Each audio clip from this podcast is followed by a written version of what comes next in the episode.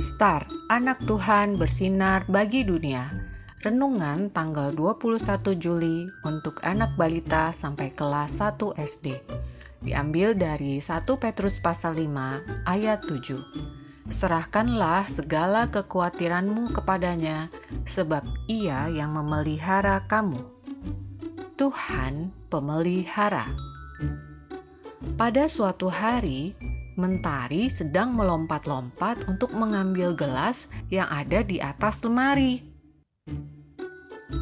Aduh, tinggi banget. Gak nyampe nih. Gumam Mentari dalam hati. Tiba-tiba, Kak Bintang muncul di belakang Mentari. Mentari ingin ambil apa? Mau kakak bantu? Tanya Bintang. Eh, Kak, aku mau, Kak. Mentari ingin gelas yang warna ungu itu, Kak. Jawab Mentari sambil menunjuk ke arah gelas ungu di atas lemari. Nah, ini gelasnya, ucap Kak Bintang sambil menyodorkan gelas ungu. Terima kasih Kak Bintang, you're the best. Puji Mentari sambil mengancungkan jempol tangan ke arah Kak Bintang.